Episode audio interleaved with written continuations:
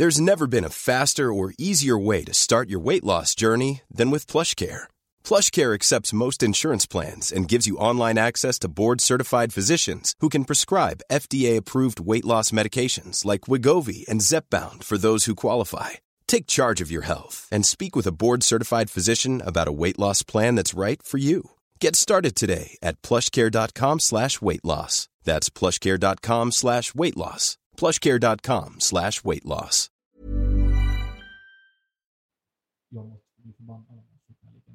Ja, ja Jo, jo, men precis. Det handlar ju om så. Men det kan ju handla om hur du hanterar det sen också. Jo, definitivt. Att du inte Jag tror slänger väskan i sjön. Där känner jag väl att jag ändå har kommit ganska långt personligen i alla fall. För det var, sätter man sig i bilen och kommer hem, då har man glömt det. Då vill du gå en runda till istället. Mm. Så då är det som... Mm, men det är på grund av sporten. Det är Ja, sporten, men det, ja, men det, det är ju lockar fram de där grejerna. Definitivt. Men ändå så här.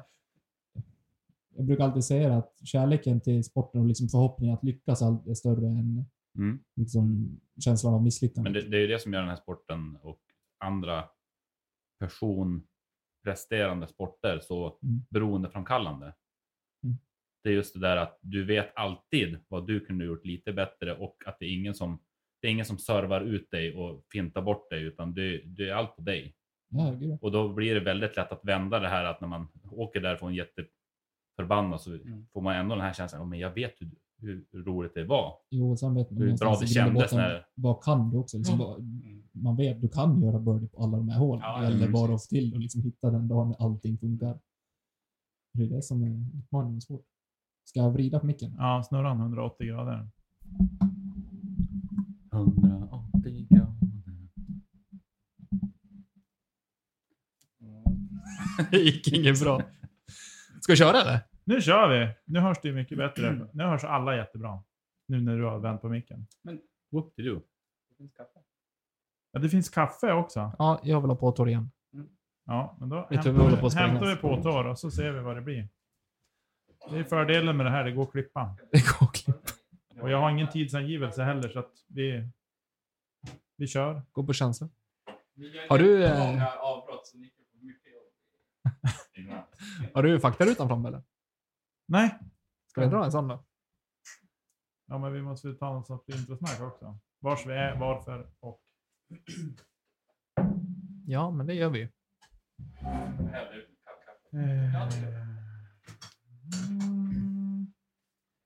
är på Larssons coffee shop.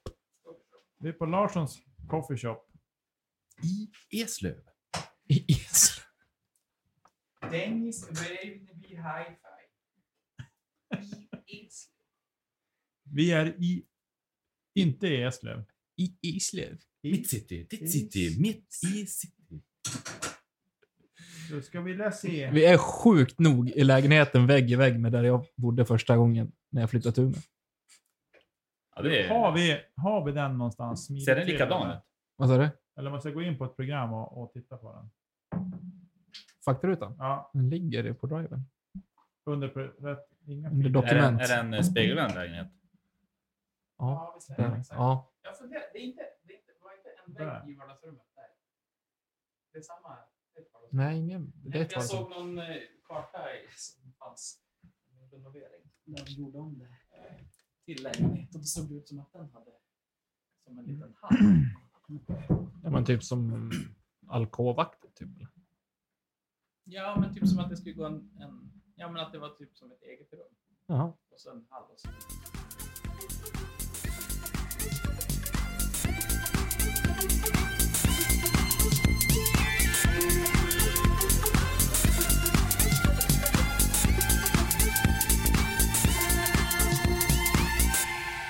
Ja. Nu kör vi! Skål! Skål. Skål och välkommen till fredagens avsnitt av Kedja ut. Eh, det är inte jag som brukar köra introsnacket känner jag nu. Men du spädde på med en jävla norrländska i alla fall. Ja, ja visst. Eh, och eh, idag sitter vi i Ersmark utanför Umeå i Johannes Larssons nya lägenhet. Vad, tro, vad trevligt att vi får vara hos dig Ja, ikväll. men vad trevligt att ni har börjat göra lite så här hemma hos-reportage. Ja, precis. Och vi även med oss den andra halvan av Smooth Grip Discgolf. Disc Golf, ska vi säga, är också med. Johan Järv. Hallå! Välkommen till podden bägge två. Tack så mycket. Eh, vad roligt att ni vill vara med till slut. Efter vissa påtryckningar. Vi har ju försökt få till det här ett bra tag. Precis. Ja, men det känns som att det var ett uppbrott, upp, uppehåll i, i påtryckningarna också. Så att jag glömde bort det. Så ni hann ducka lite tänker Ja, jag. men precis. vi hade Det var, det var lätt att nästan- gömma sig i skogen. Nästan glömt bort det. Men någonstans känns det ändå skönt att sitta och kunna prata med er istället för om er bara. För det, ni kommer ju på tal. Lite då och då i podden i alla fall. Ja. Johan får mycket fina ord från Nicke för att han kan kasta 100 meter nu. Ja. Det är inte alla som kan kasta 100 meter. Nej, det är inte. Nej, jag. United. Ja, men ändå, vad roligt till slut. Eh, jag tänkte vi kör en faktaruta som alla andra. Eh, och ni får svara efter varann, så ni får väl ha lite ögonkontakt med vem av er som svarar först. Men då vill jag köra faktarutan idag. Okej, vad skönt. Då slipper jag den. Då får, då får Tommy köra faktarutan med er. Då får ni bara svara en och en. Johannes kan börja. Det kan jag Oj, göra. vilken press. Fullständigt namn. Eh, Sven-Emil Johannes Larsson. Bra där. Eh, Johan Järv.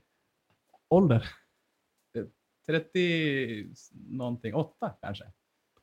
Ja. Känns rimligt. Mm. Eh, än så länge 36. Bosättning. Eh, lägenhet i Ersmark. Här.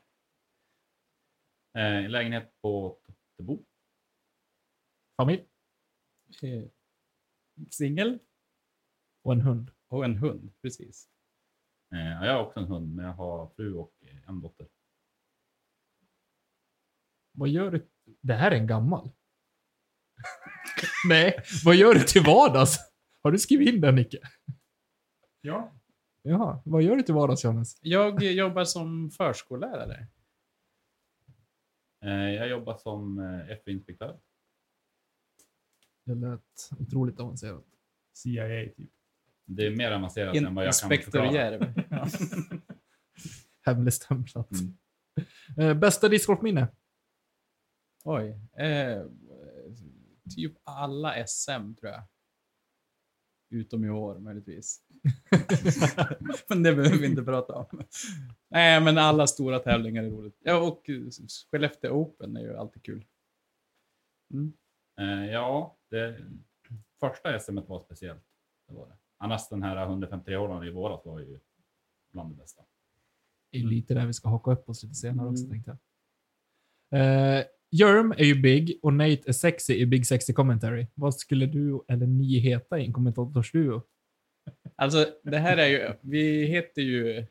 Vi är ju sociala medieproffs, eller?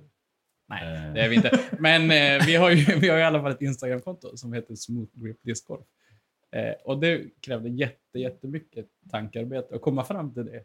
Ja, vi, vi är väl lite grann så att vi, vi nöjer oss inte riktigt med något halvdant.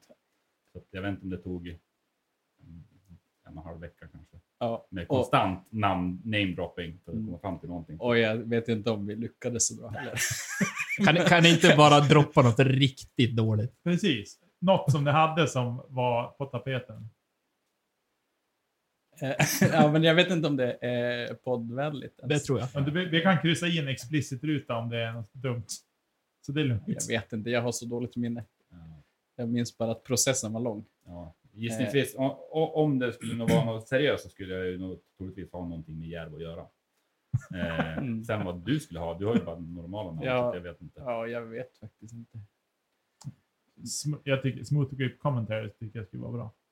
Om jag får säga det själv. Alltså jag tycker Smooth Grip Disc Golf, det låter ju som Det typ ett produktionsbolag skulle jag ja, säga. visst låter det ganska proffsigt. Ni skulle ju bara kunna ta fram mobilkameran och livesända dag ut och dag in.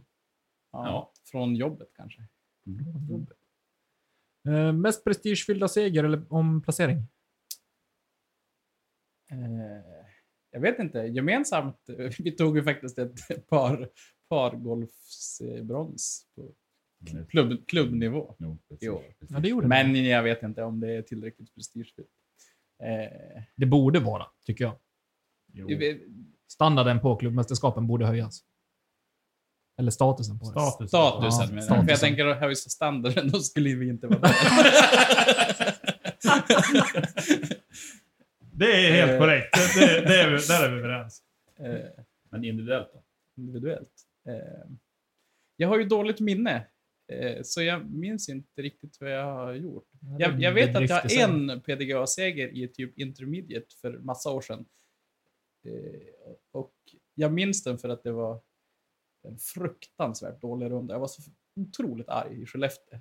Och så efteråt kom en kompis upp och sa ja men grattis. Och jag var så fruktansvärt, bara, det finns ingenting att gratulera för. Du, hänger i luften. Eh, så det är min enda seger tror jag. Som står registrerad på PDGA. Mm. Jag har ingen, Så det är väl den mest prestigefyllda då. Mm. Jag har ingen eh, individuell seger i någonting, tror jag, överhuvudtaget.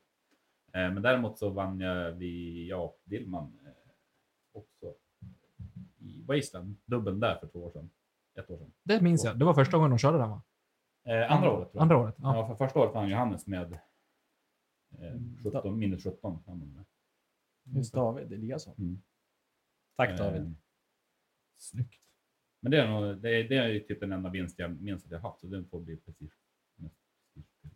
Jag blir lite besviken att Johannes inte nämner minus 17. Nej, jag kom just att tänka på den. Oj, oj, oj. Fast det är klart en PDG sanktionerad. Ja, jo, den är, slår väl lite högre.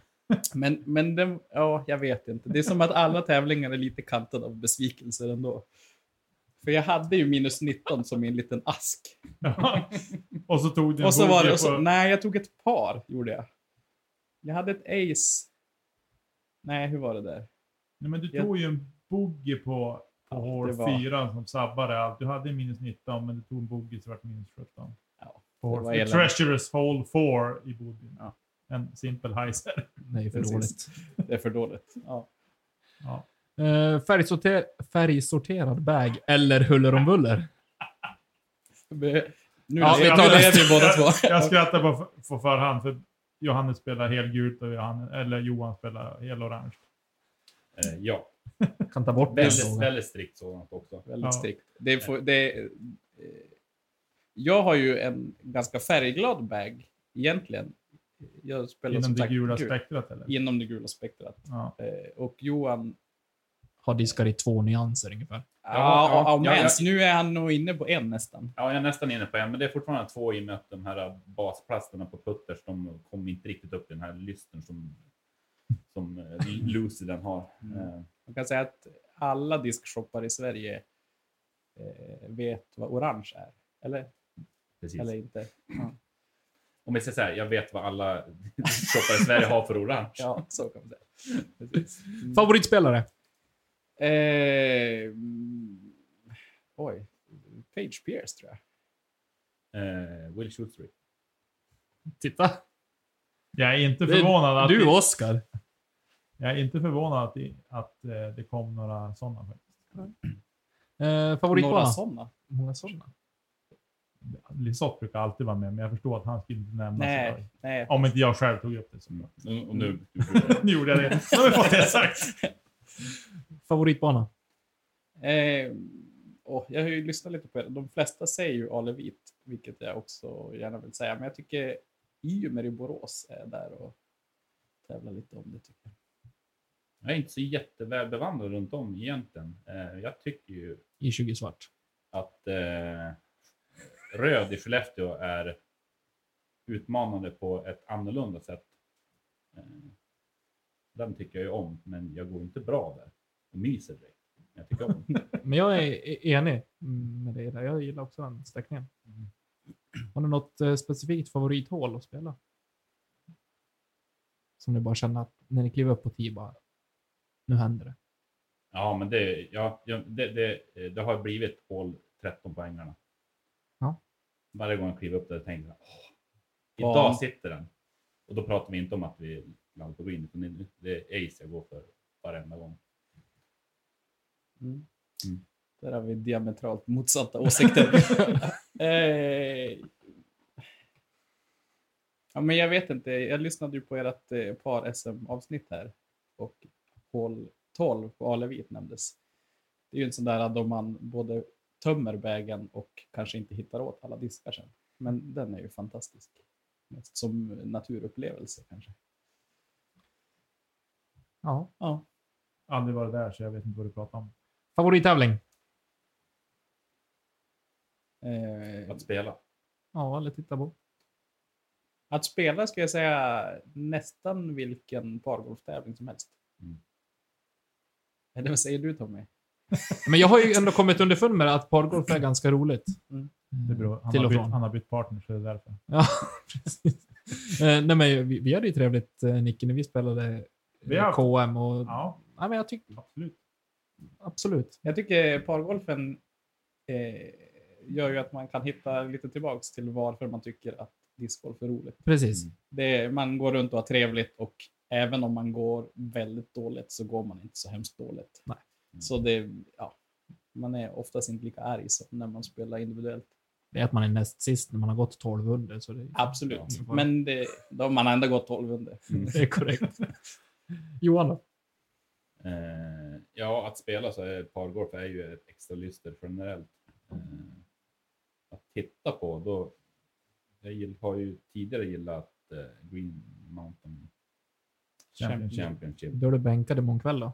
Eller ja, Eh, igår kväll. Och Men den har tappat lite grann på senare år tycker jag. Den var, den var som mer intriguing när, när eh, den här skidorten hade begränsad eh, utbud av att vad man fick se på under den tävlingen. Nu är det ju öppet, men då hade de ju rättigheterna att visa eh, tävlingen. Då, då var det roligare. Tycker jag. Fast det, jag var jättearg på dem. Det var roligare. Ja, de har haft roliga format där. Mm. Jag gillar ju, jag vet inte ens vad den heter nu, MVP Open kanske. Jag vill Ja, säga Maple Vibram Hill Open, Open. men Vibram... Maple Hill Open. Heter Ja. Nej, MVP Open. ja, MVP. MVP Open. Ja. Open. Mm. Ja, men På Maple Hill. Det är på Ja, Maple Hill. ja. Mm. Den, är ju, den har ju som allt. Ja, den är trevlig. Ja, Brody Smith, bra eller anus? det är väl bra. Eh, det är kanon för sporten. Eh, Utveckla. Jag, jag vill höra. Men det, är- det är det jag har eh, saknat med faktarutan tidigare, att det bara varit svar rakt av. Jag vill ju Ja. gärna att man... Man får gärna utveckla. Ja, absolut. Eh, han är ju en karaktär som jag naturligt inte skulle dra mig till. Ja. Eh, på det viset. Sen är han ju... Han drar till sig folk. Eh, och det är ju fantastiskt. Även om vi... Jag, jag bara är lite ledsna på konceptet att man ska grow the sport. För att den växer av sig själv just nu. Och att eh, man behöver kanske inte dra till med vilka medel som helst. Men han, han, hans närvaro är nog bara positiv. Mm. Mm, jag skriver under på det. Nu är det, nu är det min favoritfråga. Två stycken. Borde discgolfen ha en striktare klädkod? Eh, nej, jag tycker den har, eller i tävlingsform har den ju ganska relativt strikt klädkod. Eh, sen kan jag ibland tycka att den borde efterföljas. Eller, ja. Eh, ja. Men koden finns ju redan. Ja, nej, jag tycker den ska ha ännu striktare. Eh, Jag tycker att det ger en härlig tävlingskänsla när man har tävlat i andra sporter och klädkoden är ännu striktare så att man verkligen representerar någonting. Det tycker jag saknar lite grann. När, jag menar, i Sverige har vi ganska hård, eller välrotad klubbverksamhet för sporter, Mm. vilket man kanske inte har någon annanstans. Men här borde man verkligen kunna utnyttja och representera sin, eh, sin klubb. Vad skulle discgolf kunna klara sig utan?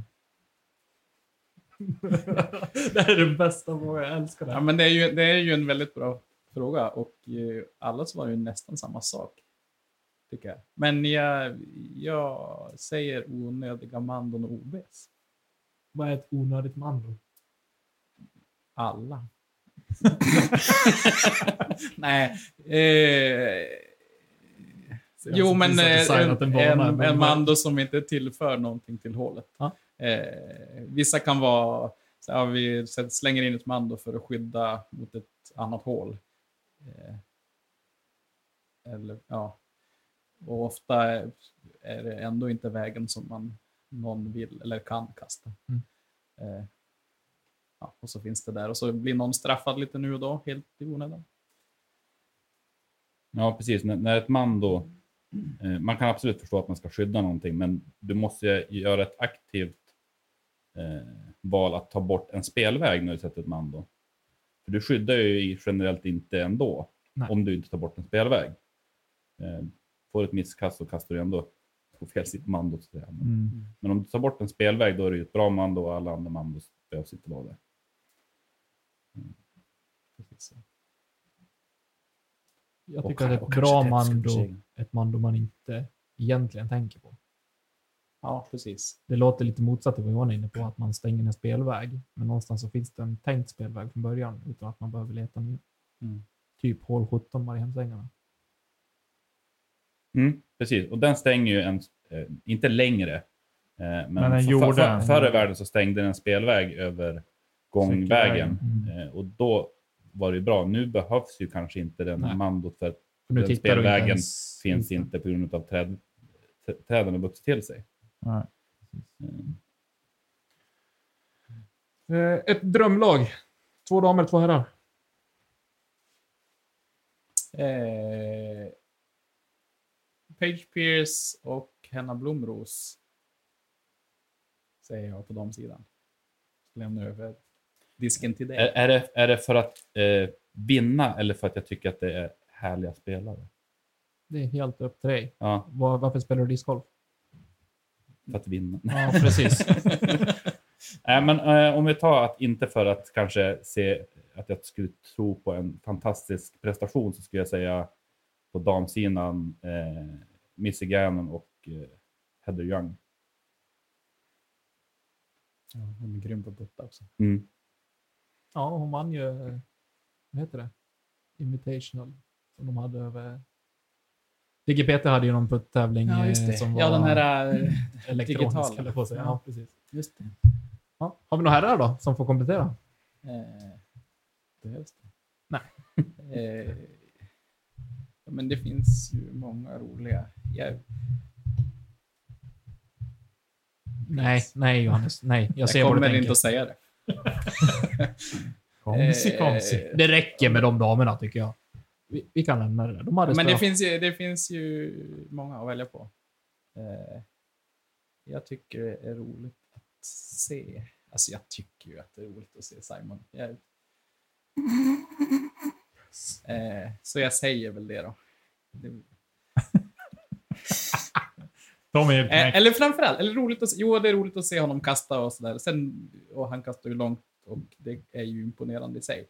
Men jag är fascinerad över hans mentala inställning. Ibland kanske den fäller honom och han liksom vinner inte för att han är lite för, i, Simon. i, lite, i brist på annat ord, lite för casual. Eh, men jag gillar verkligen att han är det.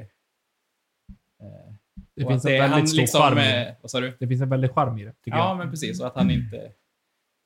Det framstår som att det inte är så viktigt egentligen. Mm. Eh, Vinnandet. vinnandet. Nej, precis. Och, och det gillar jag. Och sen... En till. Kläm ur en till. Ja, men alltså, det, ja, det finns ju för många. Och så sa du Will. Han, när det begav sig för tio år sedan, när han var riktigt bra, då såg jag honom live också några gånger. Det, ja, det var imponerande. Eh, var så jag säger eh, en, liksom. en Will Schustrick när han kan putta. Det kommer aldrig hända. Nej, så att, men om han driver och Schustrick eller Lisotte puttar. Ja, Det är ett dröm, Sista frågan. Nu. Om du för en kväll fick äta middag och splitta några buteljer med valfri person, levande eller död, vem skulle det vara? Hallå Johan fick inte säga två herrar. Ja, just det. Vill du ha två herrar? Nej, Schustrick är ju helt självklart eh, den enda spelaren man behöver titta på eller veta vem det är. Eh, rent eh, kast, Estetiskt. kast estetiskt. Eh, men sen ska jag säga en som jag tycker om att titta på och spela av lite grann samma anledning att, att han som Simon att han är glad och det är Nathan Queen. Mm. Han är också en frisk fläkt i surträsket som är competitive sports. Definitivt. Har du någon person du vill dela en flaska vin med och ta en middag? Eh, ja, jag säger min mamma. Mm. Som inte finns i livet. Sen skulle det nog inte bli vin kanske, men en annan sak. Nej, man får välja vad man vill. Ja, jag, jag, jag, jag, eh, alltså, jag, jag funderar på den här frågan en hel del faktiskt. Eh, det är en, en, en svår fråga. Jag, jag stod mellan två val Eh, Den ena var en hockeymålvakt och den andra är en, en streamer som spelar Nintendo 8-bit-spel. Eh, Men jag, jag väljer nog. Jarmo Myllys. Den gamla räven! Den såg jag inte Men nu komma. jäklar! Vad är det som händer? Då Vad blir kul. man ju lite nyfiken. Varför? Ja, när, när mitt hockeyintresse var som störst när jag var ung, så då var Luleå den eh, enda sanna glädjen. Mm. Och det fanns ingen större glädje i elitserien då som en, en han. Nej. Han var så färgstark. Ja. Vill du veta något kul?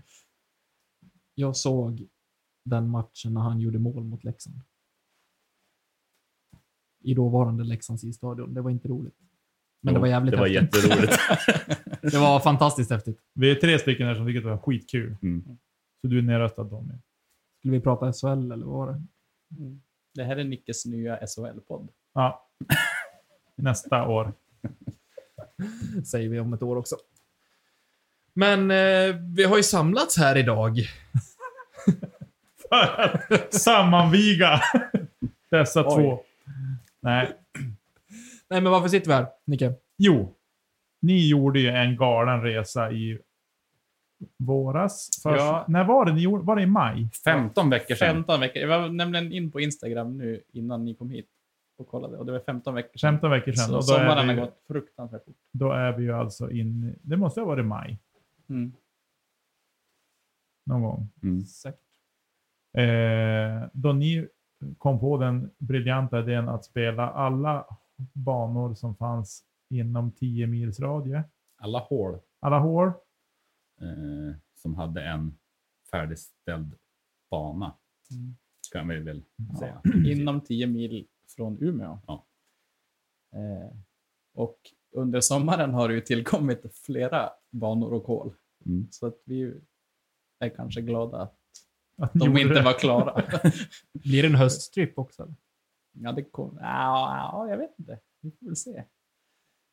Ja, vi var väldigt peppade i början av våren att fortsätta konceptet och kanske utvidga eller ta andra områden och så vidare. Men det, det är som det mesta som rör vårträning inom discgolf och hypen är att det, så fort man börjar spela runder så börjar allting som blir lite svalt på den fronten. Och det var väl precis som det som hände här också. Mm. Jag. Vem kom på idén? Ni kan inte säga vi kom på den tillsammans, så kan ni inte säga. Nej, För någon Nej, jag, kläckte jag Ja, tror att det var Johannes. Alltså, jag, hade, jag hade svarat tvärtom. Men Okej. eh, jag vet inte. Diplomatiskt. Men vi spelade... Ja, det blev det tio banor? Mm. Blev det? Tio banor. Tio banor. Vi spelade... Ta det från början, Ja, vars ni börjar. Vi började i Ånäset. Nysätra IF har en liten eh, korthållsbana i skogen. Mm. Mysig putterbana. Eh, klockan fem. Är det där vi brukar se Robin Marksén springa runt och acea? Precis. Ja, Ja, precis. precis. Det var många ace-vänliga håll. Det var inte så många ace klockan fem på morgonen. Men jag tror att vi, vi startar klockan fem från Umeå. ja, det gjorde vi kanske. Eh, så åkte vi upp då, på Näset. Precis. Ehm, och varför vi, om vi säger så här, varför vi tog 10 mil, det var för att vi täckte av en ganska fin eh, radie på banor. Eh, och utan att vi fick med Husum, men vi behövde inte blanda in Skellefteå om man säger så, för där har vi jättemånga hål. Eh, så det var egentligen därför. Eh, Husum ju ligger ju egentligen inte ens innanför länet, så då faller det. Så då blev det 10 mils radie. Mm. Så det var därför vi gjorde så. Mm. Men sen, vi började som Och sagt. så var det OCDn som sa 10 banor, 10 mil Ja, och precis. så vidare. Kallade vi för Umetem. Eh, jag började i Ånäset. Mm. Nio hål. Vad ska vi säga om det då? Eh, Ja, men Lite recension kanske av banan. ja, precis. Någonstans var det så att eh, även om man visste att man skulle spela hur många hål som helst så var det ändå så att man ville komma därifrån med en prestation också. Inte bara, vi spelade alla hål och så kom vi därifrån med plus 46 totalt. Det, det vill man ju inte. Och när vi gick från Nysätra så tror jag att vi hade förväntat oss några fler minus än vad vi kom därifrån med. Mm. Jag minns inte vad det var, men det är en väldigt kort bana. Mm. Längsta hålet tror jag är 35 kanske. Var det så kort? Nej, Jo, lite längre var det. var det så? Ja. Okej, 40 Han har utför. alltid bli halshuggen av Robin. 40 utför. 40. ja, precis. Ja, men de var korta i alla fall. Ja. Eh, och målet för dem var väl att komma i alla fall under par under, Mm. som helhet under hela dagen. Eh, ja, vi, vi höll på i 24 timmar, eller det var inom 24 timmar skulle vi slutföra. Mm. Eh, Ja, eller innan dagen var slut, så vi tog ju beslutet att vi, vi skulle, kunde starta fem. Vi Ja. inte starta tidigare. Eh, sen åkte vi till Wasteland i Överklinten utanför Robertsfors. Eh, Trevlig bana. En väldigt trevlig bana. Eh, en gammal sandgrop. Eller det är ju fortfarande en sandgrop. Men... Det är i allra högsta grad. Ja. eh, ja. Hur gick det där då? Jo, det gick bra och vi, vi valde ju lite den här rutten eh, medvetet att vi ville inte ha Wasteland mot slutet. Vi ville inte gå och traska med trötta ben i sanden. Eh, så därför var det naturligt att vi började tidigt med Wasteland och den gick bra. Och det var fantastiskt väder och det var Mm. när man kommer så där utanför, utanför städerna så är det så otroligt tyst på morgnarna. Mm. Så det, det var härligt, men vi var inte ensamma på banan heller. Mot slutet, eller efter halva banan. Nej, som- precis. Eh, och jag vill minnas att jag var bogeyfri fram till sista hålet. Mm. Tills jag kom på att jag var bogeyfri på sista hålet. Eh, precis. Mm. Ja, Wasteland är helt klart värt ett besök. Eh, var en väldigt speciell ta, bana. ta, tallar och sand och eh, bra håldesign. Eh, och, eh, Mycket blandat. mycket blandat. Och sen eh, att det är massa sand och man alltid har sand i skorna och diskarna alltid är lite dammiga och sådär. Är väl sådär. Men, men den är helt klart värd ett besök. Mm. Sen bar det åt till... Sen eh, eh, mötte vi upp Nicke i Bobyn. Mm. Just gjorde vi. Eh, tog en snabb eh, avcheckning av den banan. Det var min första besök där, så det var ju, det var ju trevligt. Mm. Nicke Eh. orkade sex hål alltså. Mm. Jo, Mm. sen var jag helt utslut på. Mm. Han sa, kommer ni så här tidigt? När startar ni egentligen? Ja. Eh, Eh, Men jag var vaken av mig själv faktiskt. Jag hade inte ställt klockan. nej. Men man är i den åldern som man vaknar av sig själv. Nej, men sagt, det är ju bara sex hål där, så det gick ju ganska fort. Eh, Vi gick Ja. ju inte några dubbla varv, utan Nej. varje hål var det som räknades. Ja. Eh, och så drog vi vidare in till Umeå då och började med Mariehemsängarna. Mm. Där det hade börjat, vad jag vill minnas, blåsa lite. Ja. Och blåsa kallt. Mm. Det var ju i maj, så det var en jättesolig och fin dag. Men Ja. Kallt. jättekallt var det. Ja. Och eh, det pågick en vårdisk eller en KD eller någonting. Ja, någonting Var var det. det. För Eh, det tyckte jag var härligt, för det var ändå, vi har ju inte världens största följarskara på Instagram, det kan man inte påstå. Eh, Men det var ändå några som hade hållit lite imorgon. koll. Vi hade ju gjort lite reklam i alla fall, så några hade, så då lite folk man känner i stan som ändå hejade på lite och mm. frågade hur det gick och sådär. Då hade vi ju bara spelat. Men på Mariehemsängarna så tappade jag humöret ganska snabbt. Eller i alla fall eh, in mot halva den banan. Eh, Så det var ingen trevlig upplevelse. Och det höll i sig tills vi kom till I20 där jag trodde att I20 skulle... För oss där, på I20 skulle vi spela 27 hål. Mm. Alla, både svart Mm. och vanliga slingan. Och jag trodde ju att där skulle vi barka iväg rent. Man har mitt på dagen, man kanske inte hunnit äta någon lunch eller någonting. Mm. Utan så har man spelat sen fem på morgonen i princip. Mm. Eh, Men jag höll ihop det där på I20 i alla fall. Mm. Jag vet inte, vad, vad, vad var din erfarenhet Man kan av säga I20? så här, jag tror att det skilde efter ängarna, så tror jag att det skilde 12 kast till min fördel. Mm. 12 Stämmer bra. eller 13. Eh, Efter Mariehem. efter. Mariehem. Sen åkte vi till I20.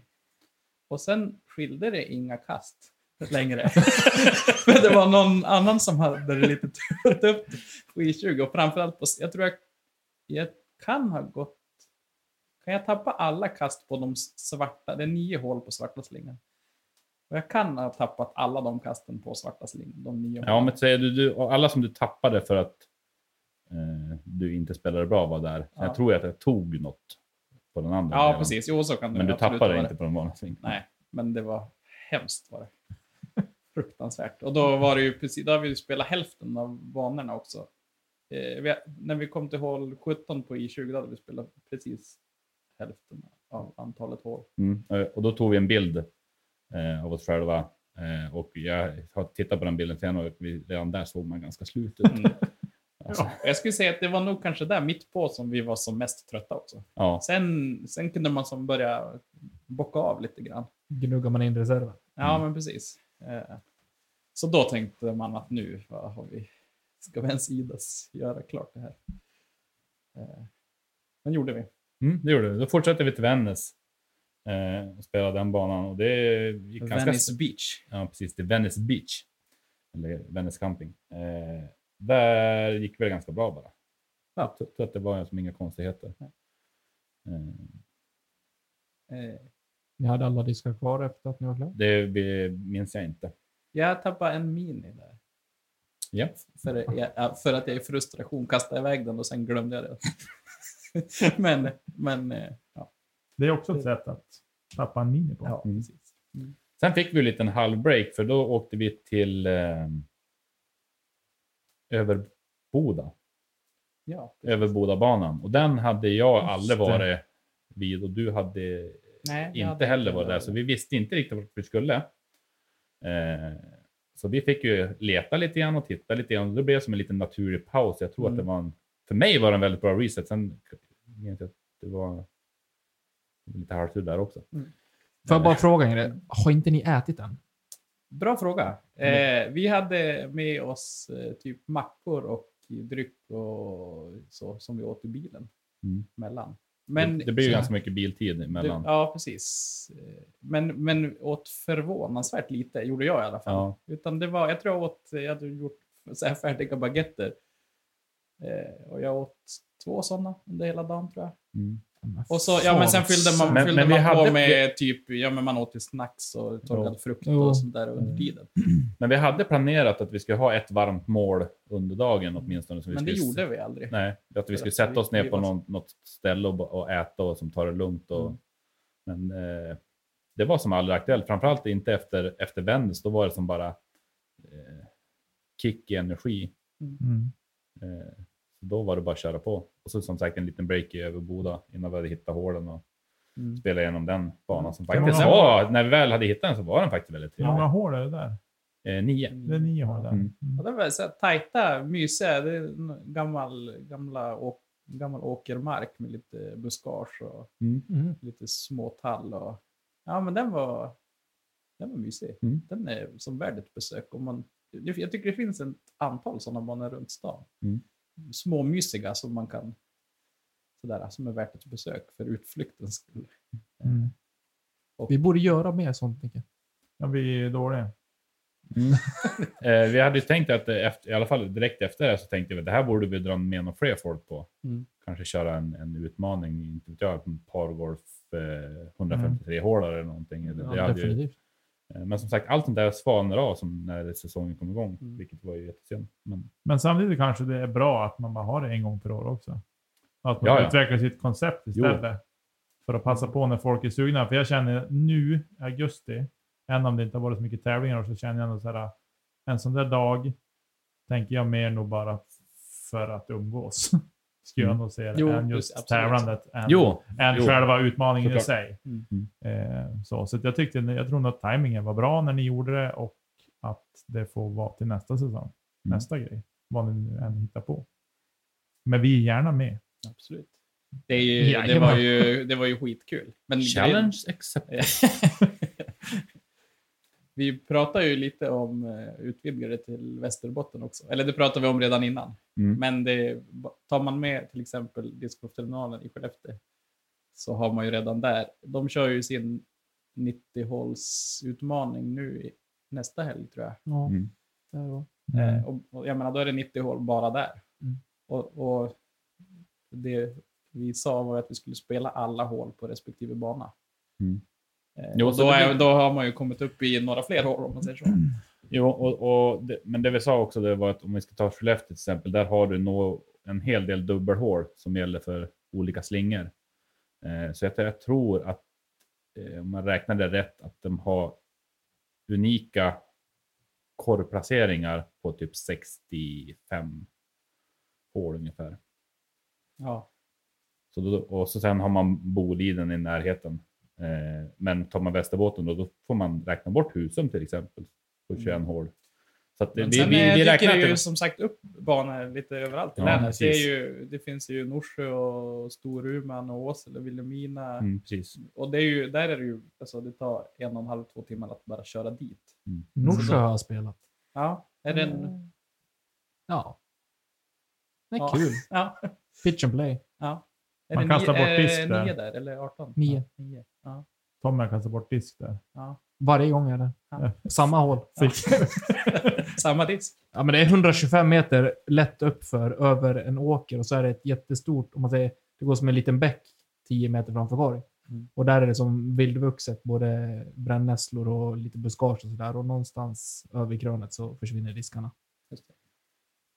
Järv hade inte haft något problem liksom att komma fram till korg. Jag gillar att vi bygger den här myten kring om hur långt Johan kan kasta. Det är många som gör det. Jag vet, Jag tycker, jag gillar den. Men ja, Jag är, jag är inte det- riktigt så lika gå imponerad. inte med honom bara. Om någon lyssnar på det här. Nej. Krossa inte myten. Låt, låt den leva. Han kastar ju inte alls så där långt. Ja. Man behöver inte kasta där. 150 meter på ett hål som är 90 kan man säga då. Det behöver man inte. Nej. Nej, Men det är coolt. Det är jättecoolt om man gör det. Det är en jätteomväg. Mm. Ja, Var var vi någonstans? Överboda, Överboda. paus. Ja, precis. Och sen kommer vi till Hörnefors. Mm. Och sen... Det här har vi diskuterat, eller efteråt diskuterade vi hur... Vi har, vi har haft lite olika planer kring hur vi ska knyta ihop det här projektet. Sen var det någon som blev irriterad på sin dator och sådär. Men... Eh, hur, vi skulle kunna presentera de här. För det är lite roligt ändå om man får veta lite om banorna. Mm. Eh, så kan man locka fler att åka Mm. och testa. Och Hörnefors var som ett svart, svart, svart hål för Johan framförallt. Mm. Om, om I20 var det för mig så var Hörnefors det för honom. Och då var vi ju som nästan klara. Var det näst sista banan? Nej, näst, näst sida. Näst, näst. Jag har en ja. känsla av att det här är på väg, för vi hade en diskussion om det här i förrgår tror jag. Om Hörnefors. Ja, Söndagskväll. Söndagskväll var det. Nej, Ja. jo. Och Jo, det, alltså, det ty- man skulle kunna stoppa Hörnefors i facket av en så här småmysig bana där man Mm. kan gå runt med en putter. Och, Mm. Det finns många sådana hål. Eh, men jag tror Johan drabbades av de lite udda vinklar som finns på en del hål där. det finns lite udda beslut tagna på sen, sen jag var där sist också. Ja, eh, okej. På vissa hål Ja. som, som gjorde att där och då när eh, energin kanske inte var på topp och eh, humöret kanske var nära att brista generellt så var de besluten på banändringen ej fördelaktigt. De var inte så uppskattade av dig just då i alla fall. Och det här, nu börjar det vara kväll också. Ja. Ja, vi håller på att spela hela dagen också. Så det var väl Ja, inte vad så kan lätt det varit? Kan, kan det ha varit kring åtta snåret? Nej. så? Nej, det var Nej, så sent sex- kan det inte ha sex- varit. Vid sextiden kanske det var. Det känns sent ändå. Ja, vi hade väl ändå hållit på i... i 12 timmar. Jag- Ja, precis. 12, 13, 12, 13, 14 timmar någonstans hade jag varit igång och så kom man till Hörnefors och där och då så var det väl, ja, det kan ha ut- yttrats saker som kanske inte var rättfärdigat för, för mycket. Man måste ju förstå det mentala tillståndet ni var i också. Mm. Det, det gjorde ju inte vi när vi var där. Nej. Så Jag, jag, tänker att- förstod ju inte mitt mentala tillstånd utan det var bara så här att allt är kast. Det här är dumt. Eh, Hur kan man göra så här? Fast jag, så, Så, så det är ju inte så. Nej, Jag tror vi alla har varit där. Minst en gång i karriären. på, någon, precis. på någon bana har vi alla upplevt det där. Men, men eh, på hål, får se vad blir det då? 18 är det hålet. På hål 17 eh, i Hörnefors, eh, då kastar man eh, över någon gatkrön och så in i en triangel och så har du några ledningar som går ner i backen och så du måste in på ön för att klara safe, annars får du 10 om. Och då hade vi alltså spelat 120 hål ungefär, ganska precis 120 hål. Mm. Och där gick det åt många kast, kan jag säga. Och eh, väldigt mycket frustration och jag tror att jag avslutade med tre forehands eh, i ren frustration innan jag tog mig in på den där ön som är typ 50 meter fram. Mm. Det finns stunder i livet, eh, även då man känner varandra ganska väl, då man väljer att vara tyst. Det där var en, så, en sån stund. Tro mig! jag vet.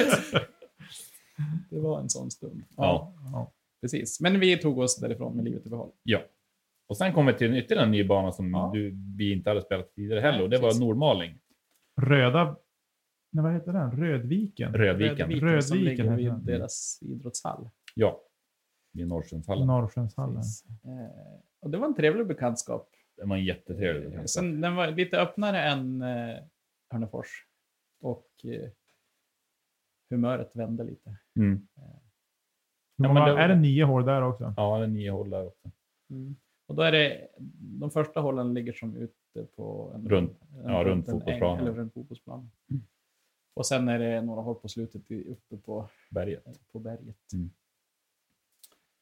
Eh, Och den var, ja, det, jag gillar framförallt det första hålet som man kastar upp på berget där. Mm. Hade verkligen potential. Mm. Lite som alla nya banor, lite rotig sådär. Men eh, kul hålldesign. Mm. Uppför och med flera val.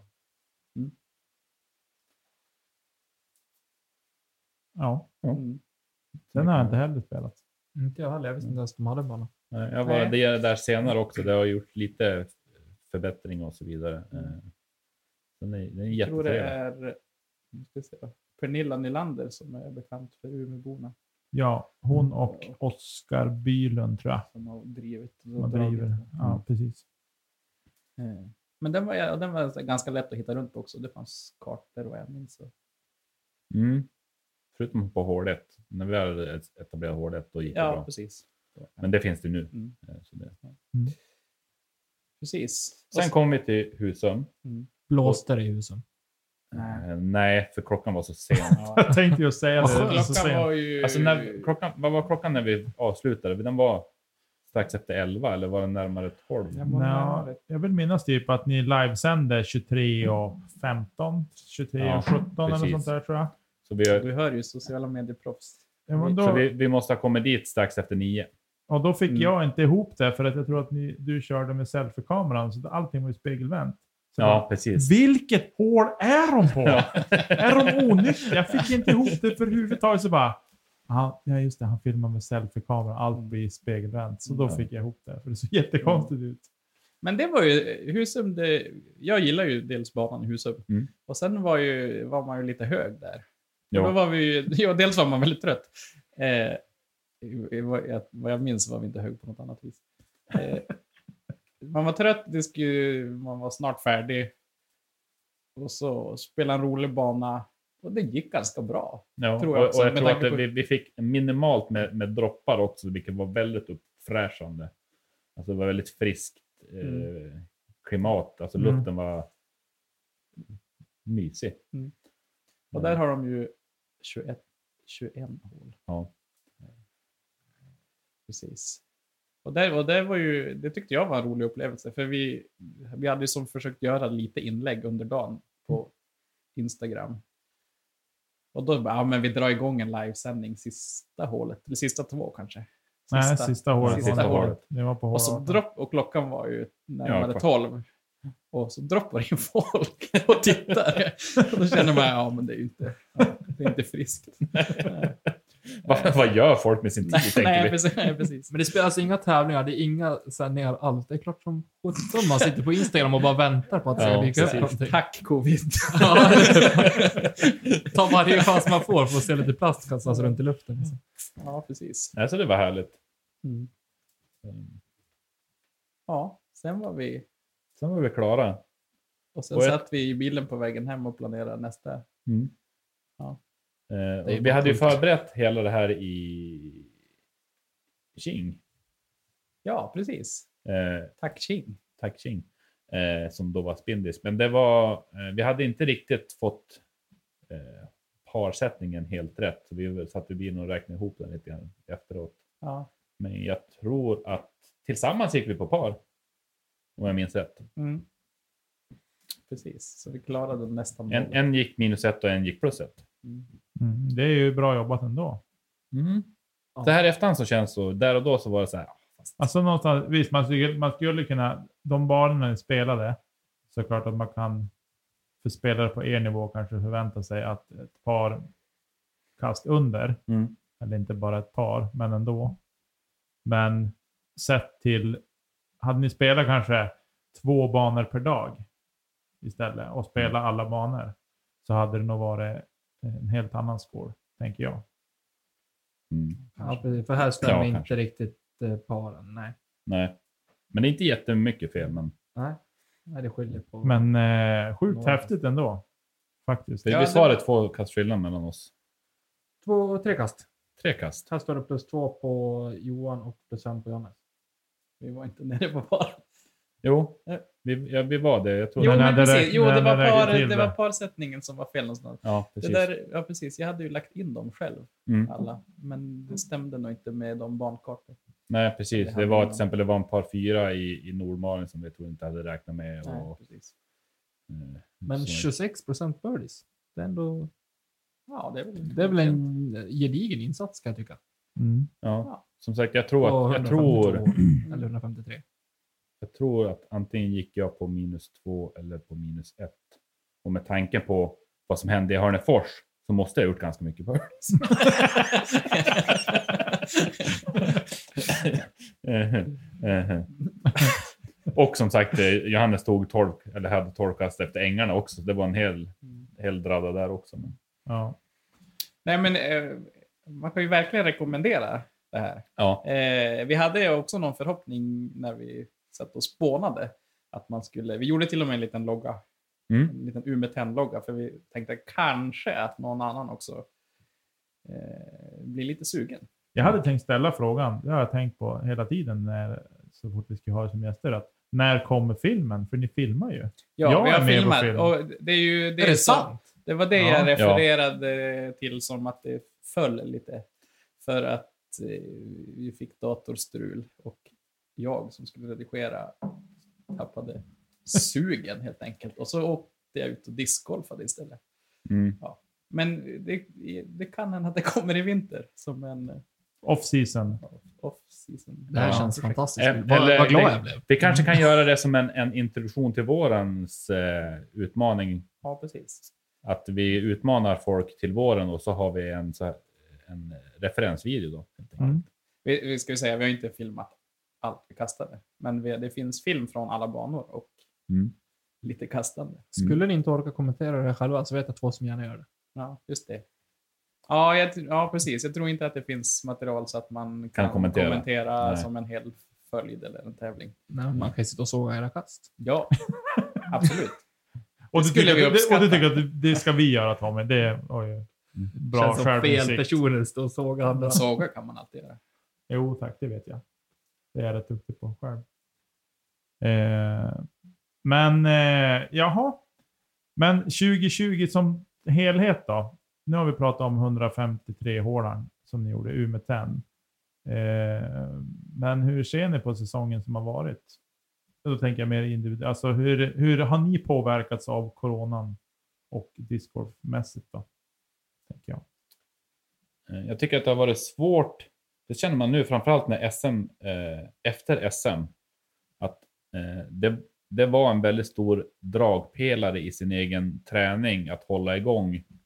Eh, att man hade ett stort event att spela mot och när det var slut då var det som att eh, luften gick väldigt mycket ur och en vanlig säsong så har vi här uppe en ganska jämnt flöde utav tävlingar som man är med i Mm som alltid är så här lite grann att ja, men den här tävlingen är över, nu får man ju som satsa på nästa. Och den biten Mm. Det tycker jag har brukar ju vara egentligen ända till slutet av september eller början på oktober. Ja, Mm. Alla Norrlands tävlingar. precis. Så man har alltid haft det här lilla dragplåstret att alltid hålla igång och jag, nu efter SM så känner jag verkligen att oh, Det blev som ett litet vakuum ja, veckan efter. det. Det var som att...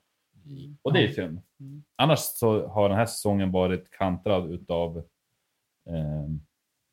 bra träning och eh, specifierad träning. Jag har tränat efter bättre linjekoncept än tidigare år och verkligen kunna utvärdera eh, det man gör så att man får en, en morot till vad man behöver träna på, Mm. tycker jag. Ja, trän, det är- tycker jag bidrog att det inte var några tävlingar i våras. Eller tidigt på sommaren. Mm. Man har ju, det har ju varit lite roligare att träna. Mm. Faktiskt. Eftersom man har gjort det lite mer så blir man ju bättre på det också. Mm. Och det utvecklar, det utvecklar ju ens spel Mm. väldigt, väldigt mycket. Och det vet man ju, men det är ju lätt att fastna i fällan att man vill ut och spela bana och så ja, glömmer man bort momenten. Och...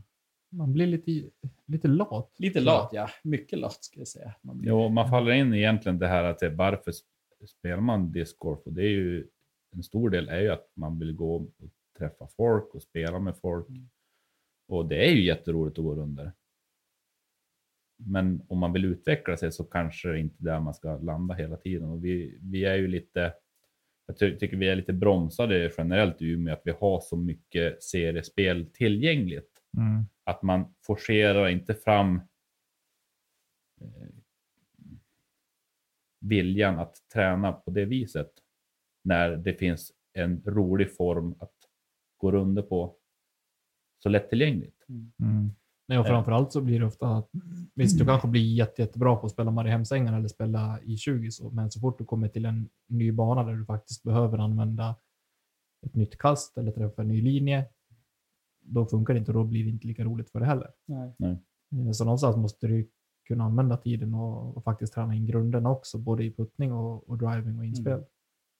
Jo, och det blir ju roligare sen när man går ja, tävlingsrundor eller casualrundor också. Eh, Oavsett bana. oa- ja, oavsett bana. Mm. Eh, för egen del så har jag som fått välja, ja men de här går jag. Ja men nu har vi ju ett, eh, en L-tier-liga i Umeå öppna. Då spelar man den och sen Mm. får man försöka träna det övriga. Och jag tycker träningen, ja men den har blivit roligast för att du, man, den, man kan göra den till en social grej också. Så att man inte tappar det. För det kan ju vara trist att stå och dumnöta själv. Men tar man med sig en, Ja, så har en, ter- liksom en termoskaffe och så, så går man ut och så den ena, ja men jag ska träna det här idag, jag ska träna det här. Och så är man på ett fält eller på ett specifikt hål eller då, då tycker jag nästan det blir roligare och så är man kanske inte alltid lika frustrerad heller. Nej. Man kan vara frustrerad på det man gör på träningsfältet, men, men det, det är lättare att det inte blir lika viktigt som det kan bli när man är ute på banan och Jo. tycker att man ska klara vissa saker. Det, för det är väldigt, väldigt lätt när, när man, om man bara går runder att man implementerar sin egen träning i runderna och då blir eh, oftast till exempel för, för en egen del, till exempel, om, man, om man missar sin linje som man hade tänkt att kasta, men kastet blir ändå bra, så blir du frustrerad för att du gjorde inte som du hade tänkt. För, men däremot, och därför blir ju det svårare att följa upp eh, den bra placeringen när du landar vid. Mm. Men har man däremot skilt att du har ordentlig träning, att idag tränar jag på det här och så, och så tränar man på sina linjer och så vidare. Och sen när man väl kommer till banan så har man ett annat fokus. Då har man mer ett fokus på eh, prest, alltså den faktiska sifferprestationen jämfört med eh, den där lilla punkten som du missade med en decimeter. Och det jag tror jag är viktigt att just ha ett syfte med sin träning också. Mm. Att du, som Johannes är inne på, att man inte bara står på ett fält och bara kastar all frustration. Nej. Då har du liksom, det finns inget syfte och du vet inte liksom vad du ska fokusera på eller vad du ska, vad du ska utveckla för någonting.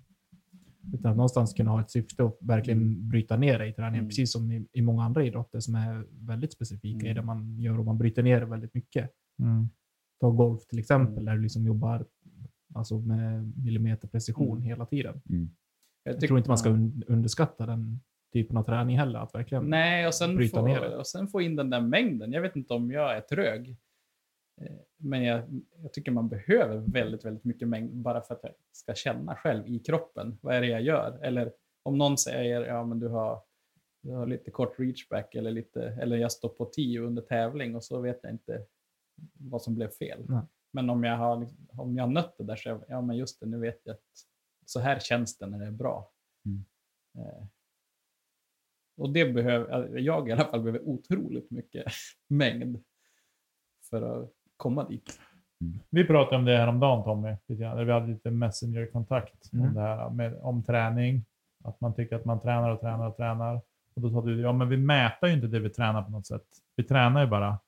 Eh, och du sa någonting nyss Johan, om att du utvärderar lite grann då du har tränat. Hur, hur jobbar du med din träning och utvärdering?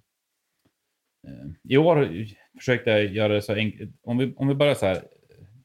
Covid gjorde eh, att jag hade under vintern försökt bygga fram ett koncept på vad jag kallar då för en, en eh, steg två eh, utbildning, ska säga. Nå, någonstans där man om, man, om man inte om man har gått sin grundkurs eller man ska säga, i, i discgolf eller man, man kan kasta. Nu håller Tommy på att krypa under bordet här. Lite. Går det bra? Ja. Eh, där man, man, har, man har kommit en vart och man, om man vill utveckla sig därifrån. Mm. Eh, så försökte jag bygga fram ett koncept där, där man eh, med enkla medel kunde ta en individ längre. Och istället för att göra det till en, en ren kurs på grund av situationen som jag hade så blev det som att då implementera det på sig själv istället. Mm. Och, eh, det, det var egentligen att ha eh, egentligen tydliga, tydliga mål på vad man själv tycker är eh, en vettig form eh, och vad man, ska, vad man ska göra för att eh, eller de, de ändringar man gör, vad ger det? Och vart behöver jag göra ändringarna? Mm. Det blev lite svamligt där, men jag vet inte riktigt på... Ja. Nej men, jag, nej men för det, det jag, när vi, det var ju ett lite ren frustrationskonversation vi hade jag och Tommy. Sådär. Eh, att man, man tränar, jag tränar mycket hemma på min egen lilla bana, den som Mm. nu spelar nu och spelar. Eh, vilket, men jag har som inte mätat det på något sätt. Jag har bara upplevt det att när jag är ute och spelar på andra banor eh, och får de här 40, 50, 30, 40, 50 meters inspelarna så är det aldrig så att jag blir, som jag tidigare kunde uppleva, att jag blir lite nervös. Eller nervös, men alltså att man känner så här, ah, nu kan det bli krångligt att fixa paret till exempel, eller Mm. birdien eller vad det kan tänkas vara. Men i år så känner jag inte det. Men jag har ju som inte kunnat mäta det på annat sätt än att jag, än själva upplevelsen när jag kliver upp och ska göra det där kastet. Mm. Alltså repetition är ju fantastiskt bra för just sådana grejer. Eh, Ja, för det är det jag tänker, jag har bara repeterat. Jag Ja. har inte liksom det på något sätt. Och då, eller då, liksom... då kan man säga att då, då, då har ju du utvecklat en, en, en säkerhet i den längden. Men du kanske inte har utvecklat din teknik för den längden. Nej, nej, verkligen Eh. inte. Absolut inte. Det har inte varit någon tanke alls på teknik för just den längden, utan mer blir det bara att eh, träna på att träffa linjerna eh, och känna hur hårt jag ska kasta, Mm. så att säga, för att nå fram. För att, och även det jag har fått, det jag har tränat på har varit att tänka efter innan ett kast. Vart vill jag ligga någonstans? Eller vart behöver jag ligga för att sätta putten till exempel? Mm. Istället för att hela tiden tänka jag vill ligga inom bullseye hela tiden. Mm. Jag vill alltid ligga i bullseye. Och det är klart alla vill ligga i bullseye alltid. Men att man kan acceptera. Men jag, jag måste sikta på den här ytan. Istället för att träna på att träffa ytor istället för att träna på att träffa bara bullseye. För Mm. det är inte alltid att du kan komma åt bullseye från ditt läge till exempel. Nej. Ehm, Nej, för det har jag också pratat Vi eh, har ju lett några träningspass med, med eh, några damer från eh, klubben. mm, och då pratar vi lite grann om det, just det här att när behöver man ha fokusera på sin, sin linje eller sin punkt där man ska träffa av och när ska man fokusera på sin, sitt zonspel?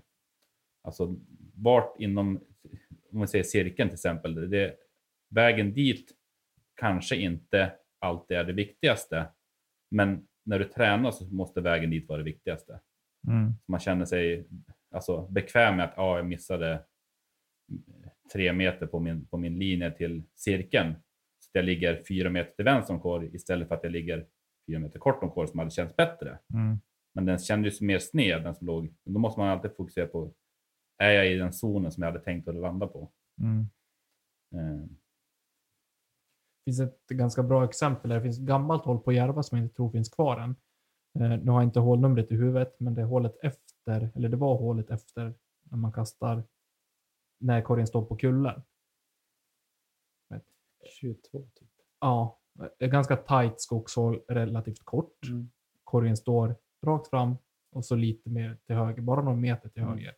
Och man får direkt upp bilden när man står på 10. Här måste jag kasta en forehand eller en turnover med en skarp liksom, högersväng på slutet. Mm. När det egentligen i praktiken bara egentligen har ett spikrakt kast. Och har du liksom den speedkontrollen, ja då ligger du fortfarande inom 5-6 meter för Mm. putten. Någonting Mm. åt det hållet tror jag att du vill åt, liksom in och, och beskriva. Mm.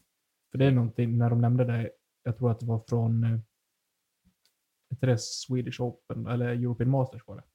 Mm. Eh, när de filmar på det. Och då, men säger de det att många väljer att gå med en forehand här för att man måste liksom in mot korgen, eller jobba liksom med disken mot korgen. Mm.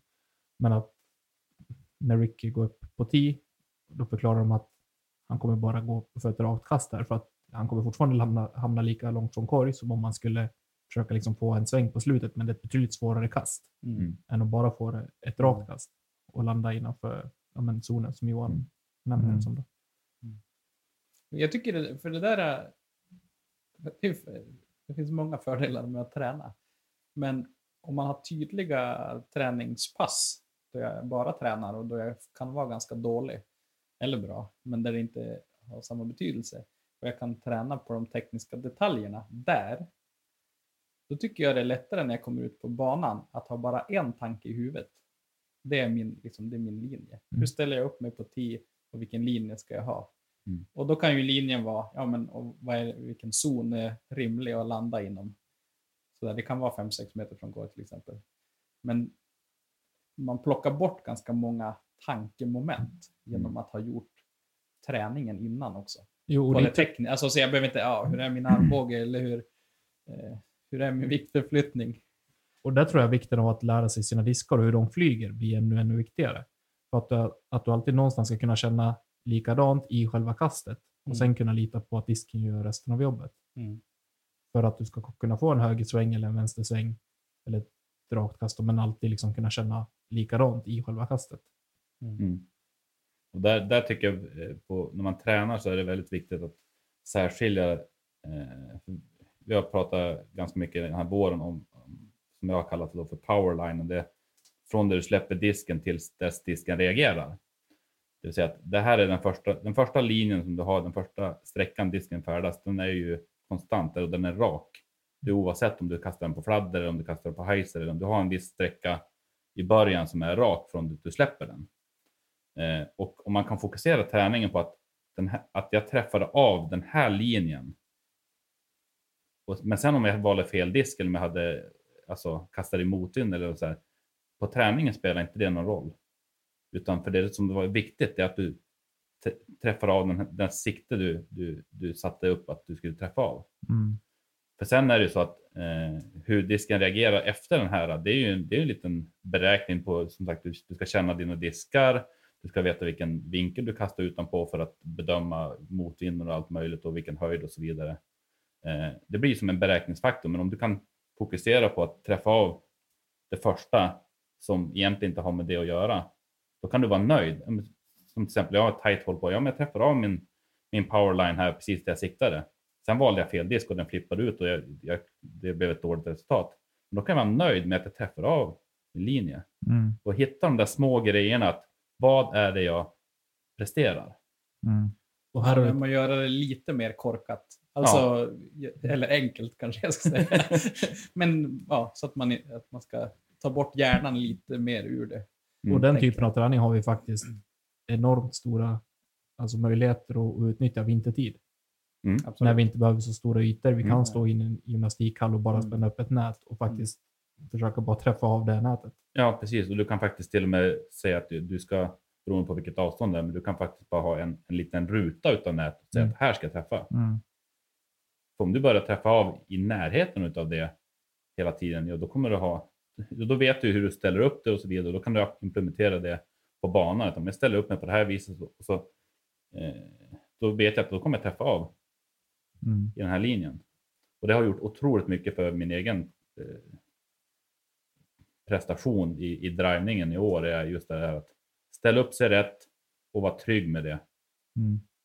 Då kommer man kasta åt det hållet man vill. Sen hoppas jag att jag har valt rätt disk och valt rätt vinkel och att motvinden har jag beräknat rätt. Men jag kan fortfarande vara trygg med att ja, jag träffade dit jag siktade. Mm. Precis. Ja, det är otroligt intressant. Och jag tror att vi är generellt eh, för dåliga på, på individuell träning. Här uppe. I Umeå i synnerhet. För att koppla tillbaka till lite det vi pratade om i senaste avsnittet Niklas, just det här med när du sa att man kan ha fördel av sin hemmabana. Om vi pratade SM Mm. till exempel. Eh, Det är just den här grejen som jag tror att de bättre spelarna är betydligt, betydligt bättre på än vad vi amatörer i situationstecken är. Mm. Eh, Som gör att det faktiskt, eller som gör att jag inte menar att det är sån stor fördel att ha till exempel ett svenskt mästerskap hemma på sin egen hemmaplan. Nej, precis. Nej, det, det så handlar kan väl det om vara. att man själv, det är klart att man själv känner sig trygg för att man har spelat banan Ja. mycket. Men för de som har tränat rätt och rätt, eller rätt mängd på rätt sätt, då spelar det ingen roll alls egentligen. Då är det där, där att man har alla kast i vägen så att säga. Jo. Som krävs. Så Johan hjälpte mig lite i min argumentation Ja. från i onsdags. Det märker att du ska behöva hjälp i alla argumentationer Tony. Men okej, jag ger mig. Men det var jag fint att du mig. kom ihåg det så här en vecka sen. Jaha. Nej, jag ger mig. Jag ger mig. Jag viker mig. Och sen tycker jag det där med, med träningen och mängd, det funderar jag mycket över också. För det, det där man ska orka mentalt att stå, man kanske inte ska tänka att du kan stå och kasta 100 drives och träffa din powerline. Utan det kanske handlar om 15 max. Mm. För sen blir man slarvig och, s- och då kanske man gör mer skada än nytta också. Mm. Så antingen typ byta övning eller, eller ja, Det är det vi har pratat om lite grann. Att, och det har du och jag också pratat om Johannes. Att man vill inte gå ut och träna fel heller. Det var lite som Nej. Ki var inne på också, liksom, träna inte dumt, alltså träna smart. Mm. Träna Nej, rätt. för att jag är inte Ja. s- sugen på att gå ut och kasta 200 drives en lördag förmiddag på en fotbollsplan och så är 200 fel. Alltså, teknik, alltså om nu är det tekniken man jagar eller sådär. Då vill man inte göra att det, alltså, stå och nöta fel heller. Det kände jag när jag i förra veckan när jag hade fått hem lite nya diskar och skulle testa. Eh, och så fick jag på en, ja, men, en bra drive längdmässigt. Jag tänkte men det här kan bli kul. Så står man och kastar 7, 8, 9 drives och försöker liksom öka på meter för meter. Men för varje drive så blir du bara tröttare och slarvigare i tekniken också. Mm. Så blir du frus- frustrerad att du inte lyckas. Där har man ju redan förstört det redan där. Mm. Men det, jag tror också det, det är otroligt viktigt att man har med sig en, fler ögon när man ska. När man väl bestämmer sig för att träna så måste man ha hjälp och se vad ska jag fokusera på och vilken effekt kommer det att ge? Mm. För det finns väl, man pratar teknik med väldigt många och de, de ena säger så här, ja, jag har tänkt på det här att, att, om, att med min planfoot här och så och, och min, min armbåge här och så. Man måste ändå, är det det som är det första steget i, i din teknik som du behöver för, förbättra och hur mycket möda får du för, alltså, eller hur mycket får du för den mödan? Mm. Hur mycket hj- hjälper det? eh, Hur mycket prestation får du ut av att du ställer ut din plantfoot två centimeter till åt vänster jämfört med hur mycket tid du lägger ner på att ändra hela din uppsättning för att klara av att ställa den där. Framförallt är det här, man måste nog bromsa sig lite grann och säga vad ska jag börja med att fokusera på? Och det behöver man hjälp med. Det klarar man inte av själv. för man kan verkligen känna något helt annat. Ja. Så är det. Jo, Tycker, för för, det, det, där tycker jag när man är ute några stycken, eller det räcker med att vara två, och den andra bara, det behöver inte ens vara ett, ett eh, konkret tips. Men man kan säga, jag, jag bara noterar att du gör så här. Mm. Varför gör du det? Då, antingen är det något man har tänkt på och medvetet valt, eller så är det, nej jag har inte ens tänkt på det. mm. Men, ja. Nej, jag tror att det är superviktigt att eh, för så många gånger som man själv har stått och nött driving-teknik till exempel. För det är framförallt då jag i alla fall filmar mig själv och står och tittar på mig själv i slow motion. Och ser en hel del fel. Men det är det här, hur ska man åtgärda det? Det är det som är så svårt att hitta själv. Mm. Sådär, att vad, vad, ja men, till exempel att ja, men som man Vad pratar- ska du göra åt och hur vad ska jag göra åt komma Hur ska jag göra? Liksom, jag pratar med mina barn om de vill skjuta bättre i fotboll än om de skjuter jättebra redan, tycker jag, för deras ålder. Men liksom, hur kan de göra för att skjuta ännu bättre? Och då försöker jag liksom förklara att ja, men du ska vinkla foten så här istället. Då blir det lite bättre. Eller liksom sådana grejer. Det är en, tycker jag är så mycket enklare. Och då testar de och så säger man, ja men det blev ju skillnad. Men i discgolfen så är det ju, och framförallt i driving-teknik, nu har jag ingen, ingen bra teknik så, men alltså det kan vara så små förändringar som behöver göras. Och de är så nära varann, de här små tekniska förändringar man ska göra, så att det är liksom, det är så hårfint i din förändring, men det kan göra så stor skillnad. Och det är det som är så svårt att komma åt, tycker jag. Att Sen är det annat med yttre omständigheter som faktiskt kan påverka där också. så Att du faktiskt har gjort rätt i den förändring du har gjort. Men att det inte syns på resultatet. Nej, Många så kan det också. vara. Upplever jag själv i alla fall. Så kan det också vara, absolut. Men det är liksom så här, eh, då måste man ju få ha någon som säger att det där är rätt, men du har aldrig gjort det förut. Därför blir inte resultatet vad du kanske förväntar dig. Man kan ju tänka så här, ja men nu gjorde jag allting rätt. Jag tittar på min slow motion här. Reachbacken är klockren, plantfoten är klockren, höftvridningen är klockren. Allt är klockrent, men jag kastar ändå 15 meter kortare. Mm. Bara, om du gjorde det en gång nu, om du har gjort det här 300 gånger på exakt samma sätt, då kommer du att kasta 30 meter längre.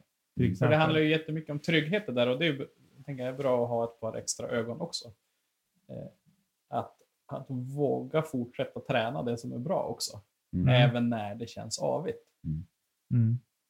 För ja, jag brukar återgå till puttningen. Det är väl som min starka del i mitt spel. Och där, jag, jag bytte puttstil för typ fyra år sedan.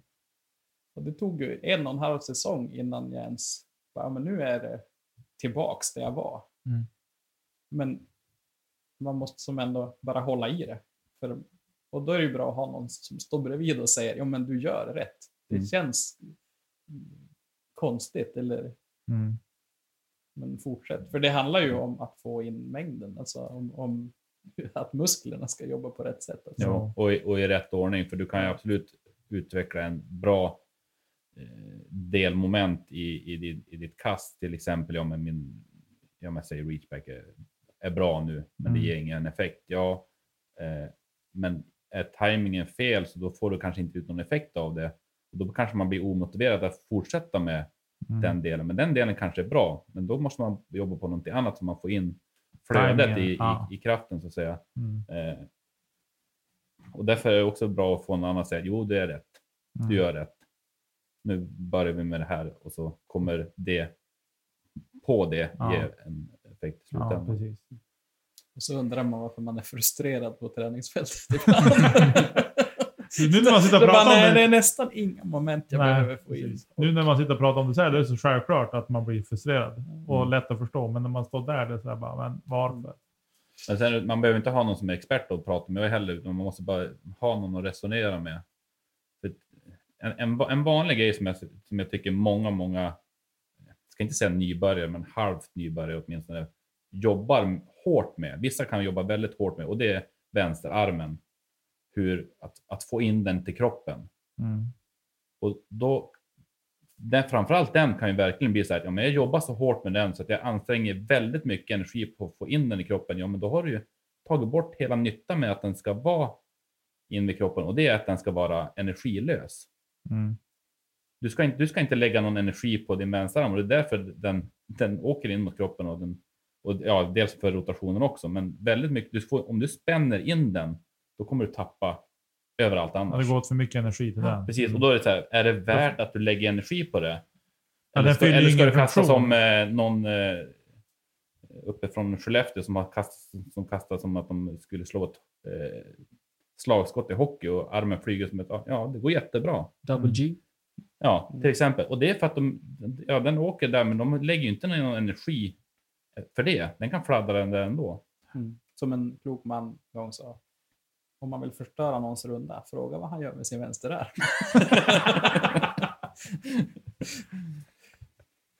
Ja, Ja, det Det ska jag ska jag prova. komma ihåg. Ja, jag vet inte om vi ska börja wrap it up så att säga. Jag tycker att vi har haft en, eh, en härlig stund. Tack för att vi fick komma och surra. Ja, ni- Ja, det, ja, det, de det har vi gjort. Surrat och surrat. Nöjet är helt på våran sida. Ja, framförallt på säga. vår Det är sida. fantastiskt kul att, att ha er här. Och tack för lektionerna. Och tack Precis. för genomgången av uh, UMTN. Och innan vintrets infall, vin, vinterns in, in, vad säger man, inträde, intrång. Intro. In, ja, men nu är det sent. Ja. Nu är det sent. Eh, när vin, innan vintern kommer, kan vi vara överens om det, Ja. då ska vi ha mött varandra i pargolf. Absolut. Ja. Ja. På... Vilken bana ska vi spela? Marianne. Nej. Men, nej. Något Det, kän, det känns som en tvåbaners. Mm, minst. Ja, Tio kanske. tio Tio innan. banor. Det var alltid dagens avsnitt. Ja, det får vi, det får vi snacka ihop oss om. Det återstår att se. Jag, jag, jag Finns kan på bara en Instagram live ut, nära utreden dig. säga att eh, håll koll på Smooth Grip Disc Golf kontot eh, under vintern åtminstone och inför nästa säsong. För att jag kanske i, förhoppningsvis i samband med UDGSM eller att vi försöker få ut någon form av eh, utbildningskoncept Ja. i någon form. Eh, Kanske i någon form. Väldigt tydligt. ja, precis. Eh, kommer jobba ganska hårt på att, för att det ska fungera. Mycket bra, för det är efterfrågat kan jag säga. Mm. Och nu har, nu har vi sagt det också. Mm. Så att nu det måste the point of till no svars. return. Nu, nu har jag inte bara sagt det åt han som sitter bredvid mig, utan nu har jag Ja, sagt det till... Ett par hundra Hela andra. Discord Sverige. Mm, precis.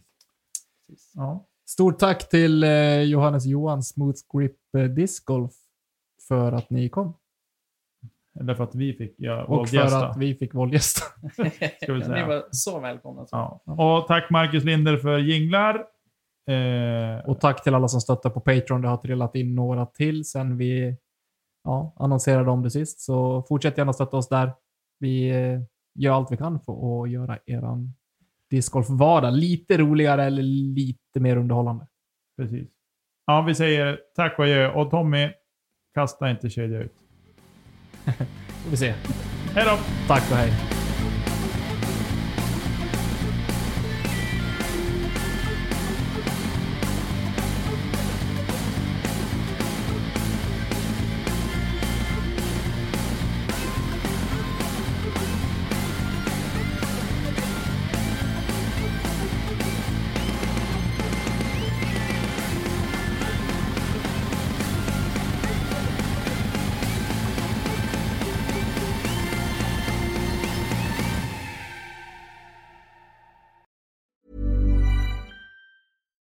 Deserves the best, and there's no better place to shop for Mother's Day than Whole Foods Market. They're your destination for unbeatable savings, from premium gifts to show-stopping flowers and irresistible desserts. Start by saving 33% with Prime on all body care and candles. Then get a 15-stem bunch of tulips for just $9.99 each with Prime. Round out Mom's menu with festive rosé, irresistible berry chantilly cake, and more special treats. Come celebrate Mother's Day at Whole Foods Market.